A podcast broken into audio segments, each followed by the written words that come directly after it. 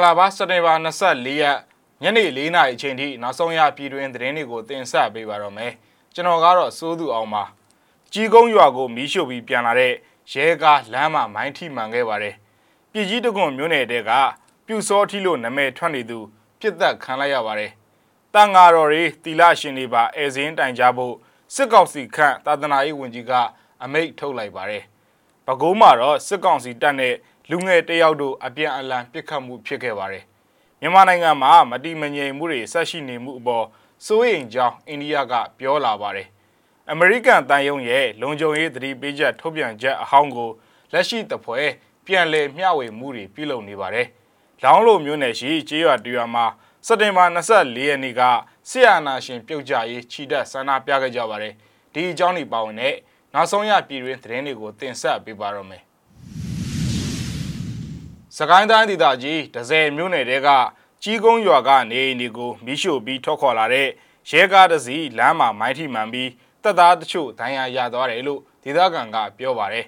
။ဒီကနေ့စက်တင်ဘာ24ရက်မနက်ပိုင်းကြီးကုန်းရွာကနေကန်ထူးမှစကမ်းဘက်ကိုသွားတဲ့ရဲကားလမ်းမှာမိုင်းထိမှန်ခဲ့ပါတယ်။လူလဲတာတော့ပြောတာပဲ။မိုင်းထိလို့သူတို့ဒဏ်ရာရသွားတာတော့ကျင်းသေးတယ်။ PDF ကခွဲတာလားတော့မသိဘူး သူတို့အချင်းချင်းထောင်ထားတဲ့မိုင်းမိတယ်လို့လည်းပြောနေကြတယ်အတိအကျတော့ကျွန်တော်လည်းမသိသေးဘူးလို့ဒေသခံကရှင်းပြပါတယ်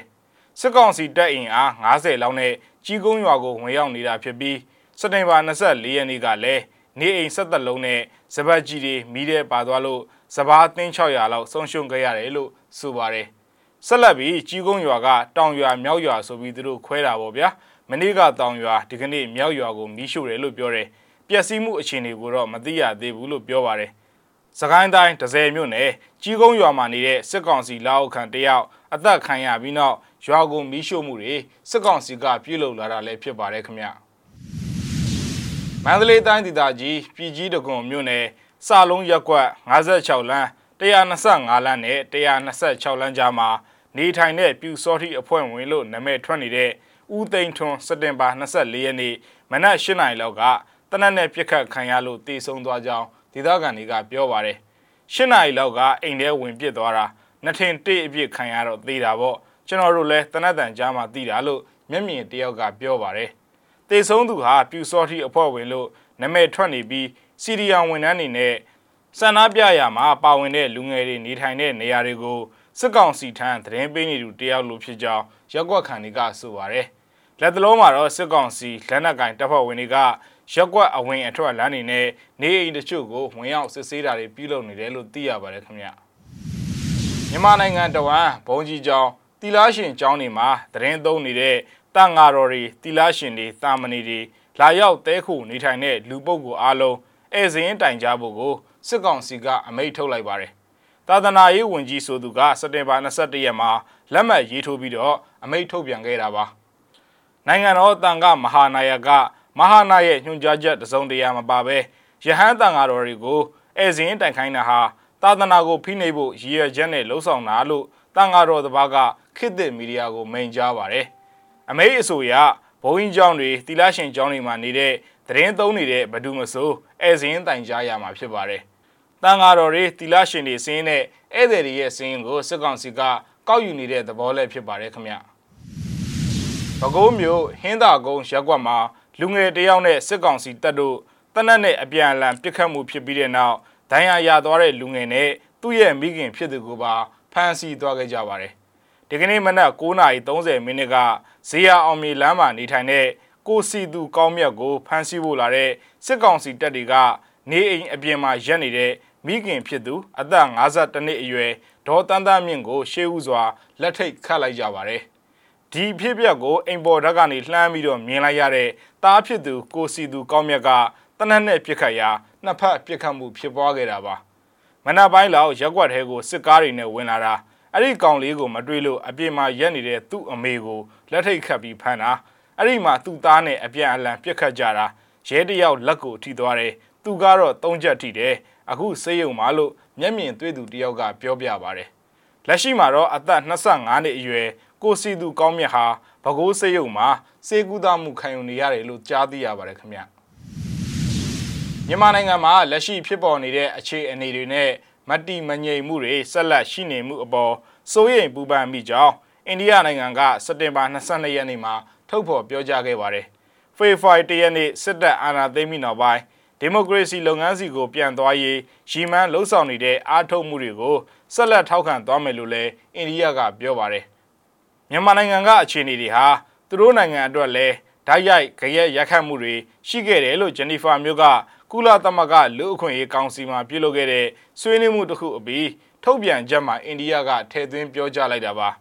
မြန်မာနိုင်ငံကနေအိန္ဒိယဘက်ကိုနေဆက်ဖြတ်ကဝင်ရောက်လာသူများဆိုင်ရာအခြေအနေနဲ့လည်းကြုံတွေ့ထားရကြောင်းပြောပါတယ်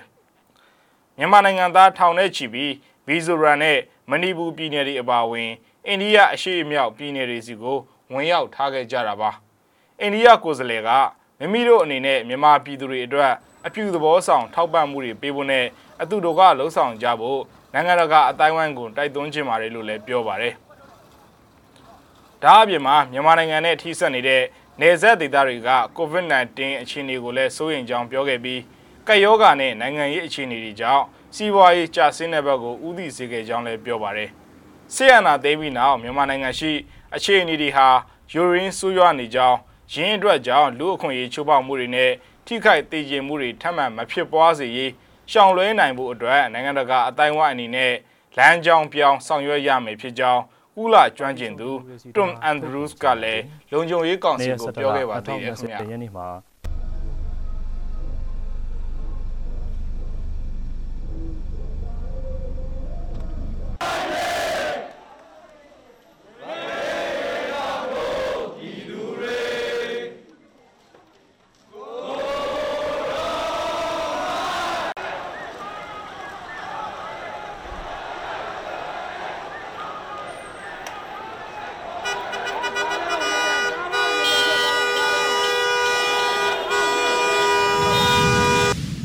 က်နေ့မှာစက်တင်ဘာ26ရက်နေ့ကစလို့အောက်တိုဘာ16ရက်26ရက်ကာလအတွင်းရန်ကုန်မန္တလေးနေပြည်တော်အပါအဝင်မြို့ကြီးတချို့မှာအကြမ်းဖက်တိုက်ခိုက်မှုတွေဖြစ်ပေါ်လာနိုင်ကြောင်းအမေရိကန်တန်ယုံရဲ့ထုတ်ပြန်ချက်ကို Messenger ကနေတဆင့်ပို့ကလက်ရှိအခြေအနေတစ်ဖွဲဖြန့်ဝေမှုတွေရှိနေပါတယ်။အဆိုပါသတိပေးချက်ဟာထုတ်ပြန်ချက်အမှန်အကန်ဖြစ်ပေမဲ့စမ်းစစ်ကြည့်လိုက်တဲ့အခါမှာတော့အဲ့ဒီထုတ်ပြန်ချက်ဟာအမေရိကန်တန်ယုံရဲ့ 2019ခုနှစ်စက်တင်ဘာ25ရက်နေ့ကထုတ်ပြန်ချက်ဖြစ်နေပါတယ်။ဒါကြောင့်လက်ရှိ Messenger မှာအချင်းချင်းမျှဝေနေကြတဲ့ American တန်ယုံသတိပေးချက်ဟာထုတ်ပြန်ချက်အဟောင်းသာဖြစ်ပြီးလက်ရှိအချိန်ထုတ်ပြန်ချက်လုံးဝမဟုတ်ကြောင်းအသိပေးလိုက်ရပါတယ်ခင်ဗျ။ဒေါင်းလုံးမျိုးနယ်ရှိကြေးရွာတရွာမှာစက်တင်ဘာ24ရက်နေ့ကဆီယနာရှင်စန့်ကြည်ရေးဆန္ဒပြခဲ့ကြပါတယ်။ဗီဒီယိုဖိုင်ကိုလည်းကြည့်အောင်ပါ။